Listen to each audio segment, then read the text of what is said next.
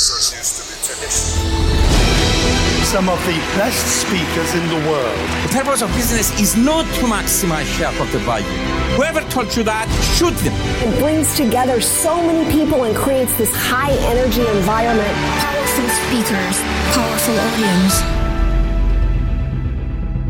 I denne spesialepisoden i OBF-podden skal jeg ta deg tilbake til Oslo Business Forum i september 2022. Der fikk jeg den store gleden av å ha en livepodkast med Carla Harris på Ocean sitt arrangement om hvordan hun har bedrevet sitt lederskap, og hva hun tenker er overførbart til deg som er leder i dag. Dette foregår på engelsk, det foregår med publikum til stede, og jeg håper du får utbytte av det, for jeg hadde i hvert fall en fantastisk opplevelse. God fornøyelse. Hello, Carla. And Hello I. I was really thrilled and thank you for coming to Oslo and sharing your pearls with us. Uh, I, I wonder just how did it felt to be back on stage and to, to talk to people? But because two years ago you were online talking to us. But how was this? No, this was terrific. I mean, the energy in the room was palpable. As I was saying to your colleague here, she should have been tired because she was in the front row and I was pulling all of her energy from her. Um, so the energy from me in the room was was just great. And as I said um, in an earlier interview, one of the things that I love about this conference is that leaders are investing in themselves to learn how to be better leaders. And being able to be in the same space gives you the added benefit of not only consuming the information at the same time, but then being able to share how you received it versus how you received it versus how you received it, um, and, and have an opportunity to further your learning. So you guys do a great job. Thanks. Uh, we will have. I have a couple of questions, but also while we are now warming up, there will be a microphone available for you to address questions to Carla. If you want to ask me a question, you can do that later. But this is our main kind of now. But because I, I think there has been a shift, hasn't it? Uh, we both have some years experience on seeing business and leaders, and also young people, talents. They are claimed to be now, uh, and is there a shift where people or leaders becoming more oriented what you were talking about now? And when was that?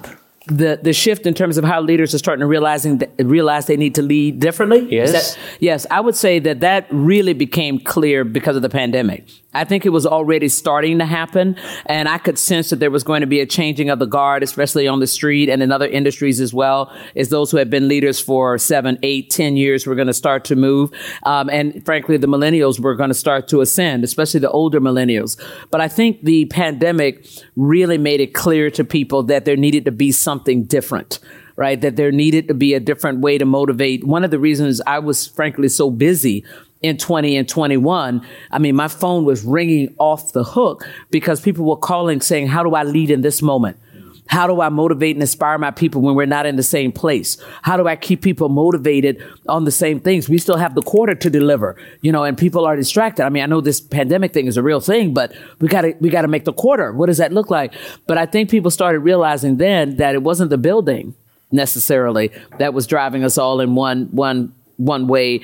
Leadership could not be absent. You couldn't just sort of let it happen on its own, that you needed to do something more active and being a part made that more apparent. So there was a sort of epiphany then for many yes, leaders. Absolutely, it was an epiphany for many leaders. Um, because again, I talked a little bit today about this authenticity piece. And as I said, if you were like me building your career in the 80s, the 90s, the 2000s, there was a formula. You executed the formula, you could be successful. And nobody said you ever had to bring the real you. And in fact, you would hear people having conversations in the 90s and the 2000s about the inside me versus the eh, you know the outside me. What is that? You know and especially among people of color you would hear the word code switching.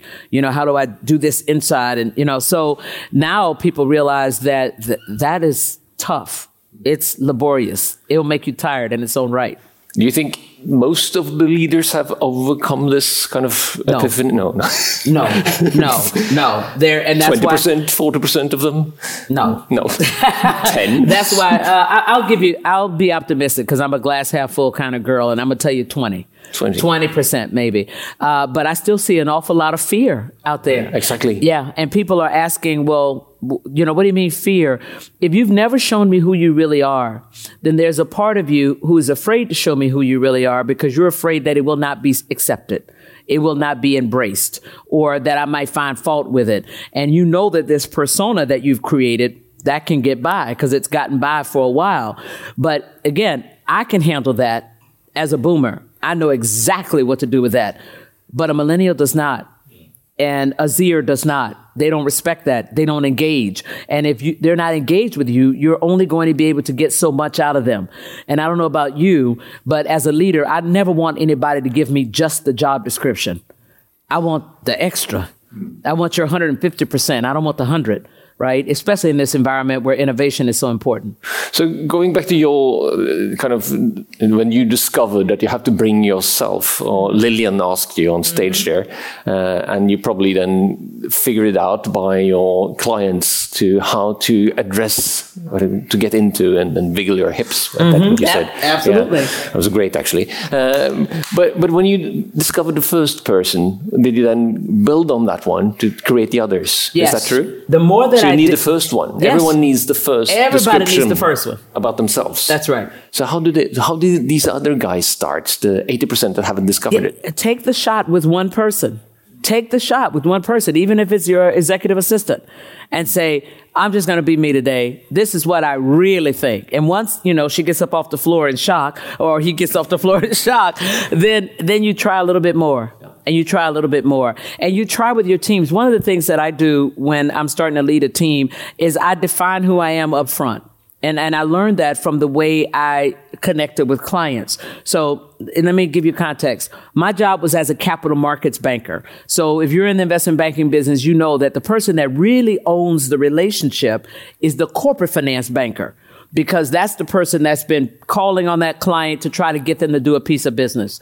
Once they decide they want to do an IPO or they want to do a common stock transaction, that's when I came in the picture. Now think about it.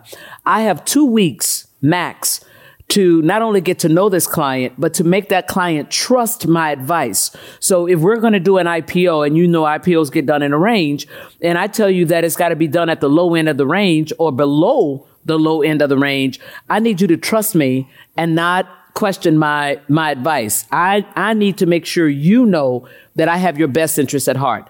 And so that that's a measure of investing in a relationship in a different kind of way. And the best way to do that was to just bring all of Carla to the table because people will trust you if you're bringing the real you. Now you say, well, how do they know if you're bringing the real you? Just like you know. Just like you know when you're standing in front of somebody, if they're full of beep, you know, right?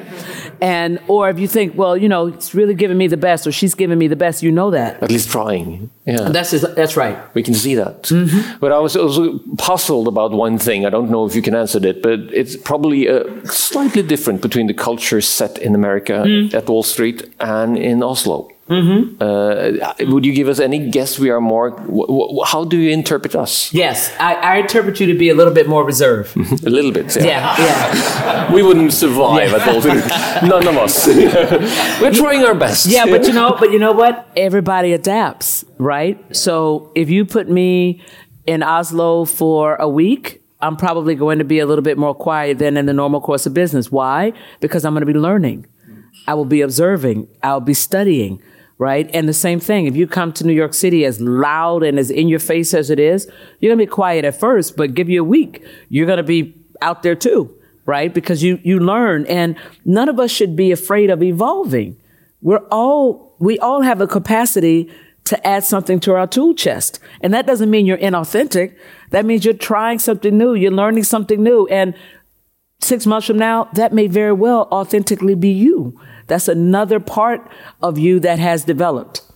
So what we are talking about is actually curiosity. Uh, mm. I think adults, at least at my age, uh, 50 plus, white mm -hmm. male, uh, we fear that people will look at us trying to learn things and we will fail mm -hmm. in learning something new because we are supposed to be not superior, but at least to, to know what we are doing and -hmm. give advices and so on. Mm-hmm. And we, I think, speaking of myself, of course, we fear that we are not good enough, we are not mm. fast enough, we are not accomplishing what we should. You follow me? I do follow you, but let me let me make two comments.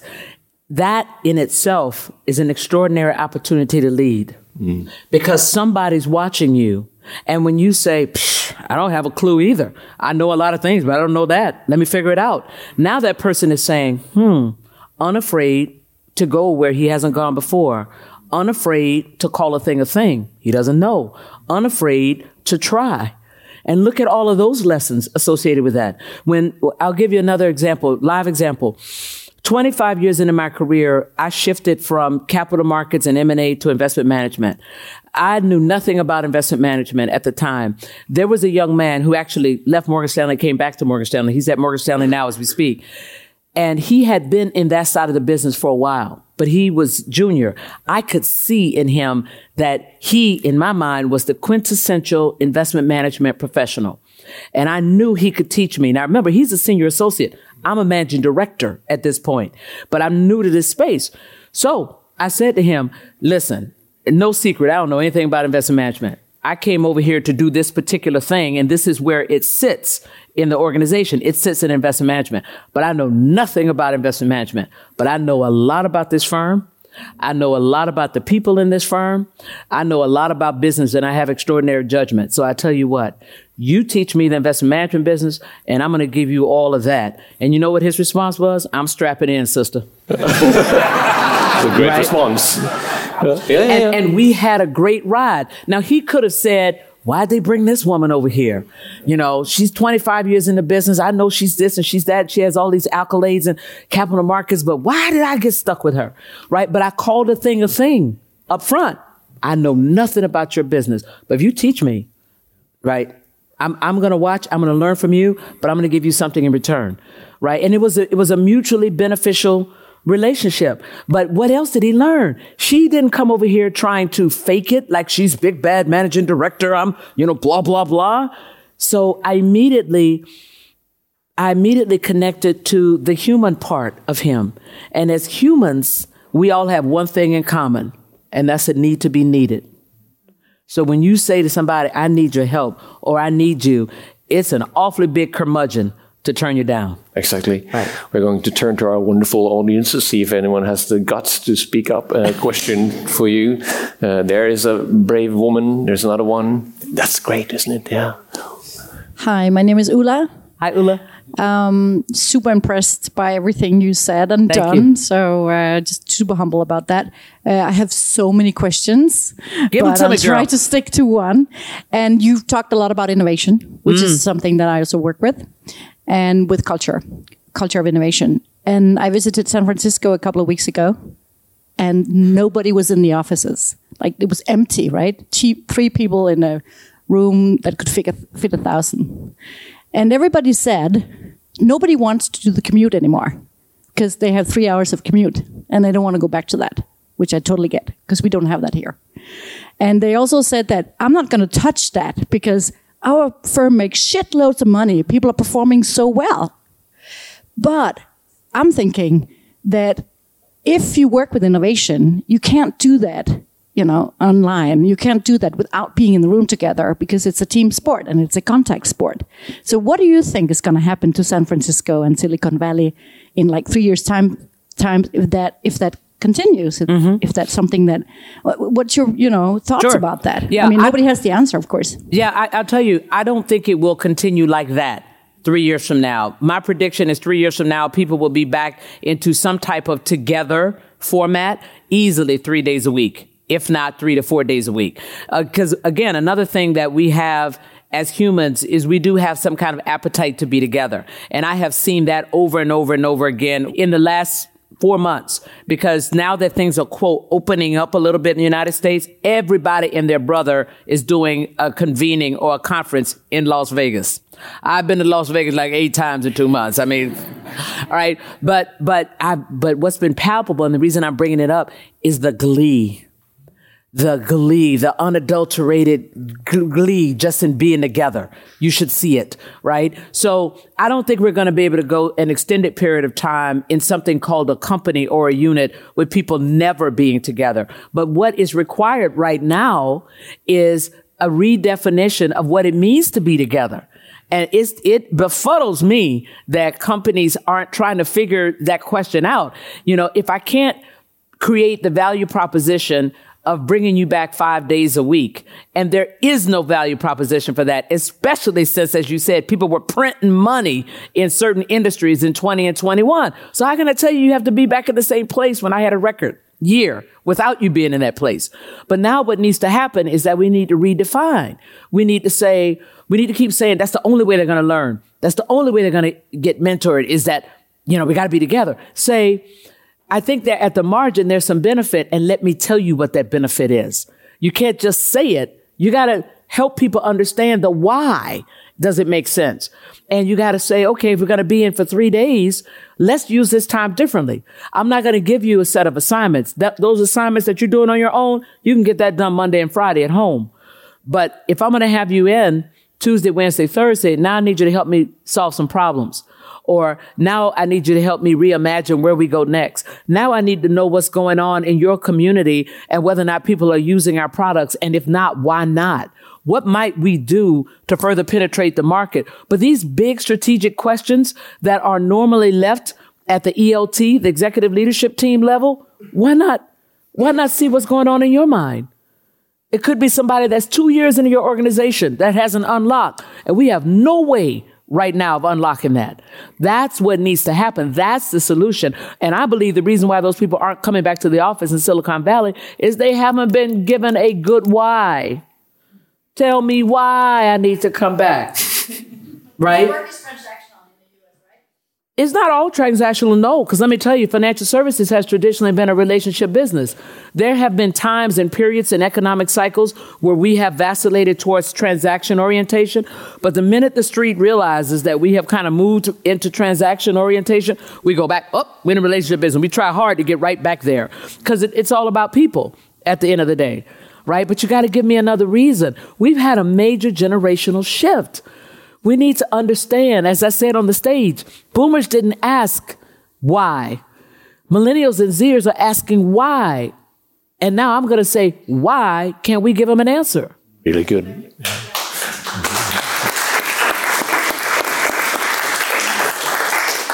Hi, Carla. Hi. I can hear, enjoy so much listening to you every Thank time. There's a lot of brand builders in this room. Um, and branding is all about authenticity, and we know that. But you take it to the next level. It's personal. It has to do with leadership and, and Mm. culture. And if you have an FMCG, like you sell products, you're in a shelf, a bit far away from from the company. Um, also, Morgan Stanley is a big brand, of course. Mhm. How? What are the consequences for branding and communication like that externally for the company? Mm-hmm. Where will this take us? This new era of authenticity, also with people. Mhm. How do you see the synergies, and what should we do in the future Yes. to build authentic brands? We can't do it the way we did it before. What is your take? Yes, so here's the thing. If you're going to have an authentic brand and you want that competitiveness to be sustained, you're going to have to be very careful and thoughtful about your culture and the behavior. Because if you're going to have a brand that's powerful, everybody's looking. And if they start to see inconsistencies in what you say versus how you behave, you're crushed especially in this environment. So before you decide that you're going to put a certain brand and a certain message out there, you need to think about what that is and whether or not you'll be able to sustain it. You know, I give James Gorman a lot of credit uh, because about I want to say almost 10 years ago, you know, I have to stop and think about the COVID years. That's two. And, but, um, it was probably about 10 years ago after we had done, uh, yeah, it was about 10 years ago. It was, I think, either right before or right after the financial services crisis. We had gone through a couple of mergers. So remember, we had the Dean Witter, um, merger in 97. And then in 2010, 11, we did the Citi Smith Barney, um, that, that whole acquisition.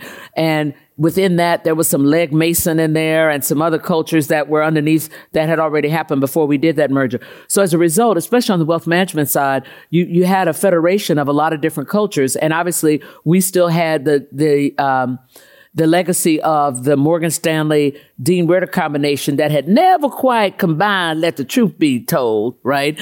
Um, and so now you needed to get that. One of the, the most important things that I think he did was he kind of put the senior level managers on like a cultural roadshow.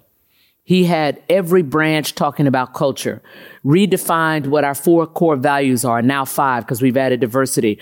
But in every elevator, on every wall, in all 600 branches, there, whoop, there it was. And, you know, when you hear him talk about it, he said, we have done all these things. We've kind of made it through the financial services crisis. I guess it was on the other side. We've gotten a lot done. But if you have one bad actor that is inconsistent with what we're trying to build, that could bring the whole thing down. So my best investment would be to get everybody to understand that this is what we stand for. This is what we embrace. This is what we hold dear. Um, and I think that's what you have to try to do as a, as a company, whatever it's going to be, make sure that people understand it, that they know it. Because how many people within your organization can tell you what your values are? Right? They, they might be on the wall or they might be on the website, but can they define them? How many of your leaders can say that. I asked a group of CEOs in the summer of 21, I said, companies are going to have to create a value proposition and answer the question, why should I work here? For each of their employees. And I kept saying back then, it wasn't the great resignation, it was the great contemplation. Because people had a chance to sit home and say, Do I like my job? Do I like my boss? Am I my best and highest use? Am I getting paid what I should have gotten paid? And they don't have the distraction of walking in the building.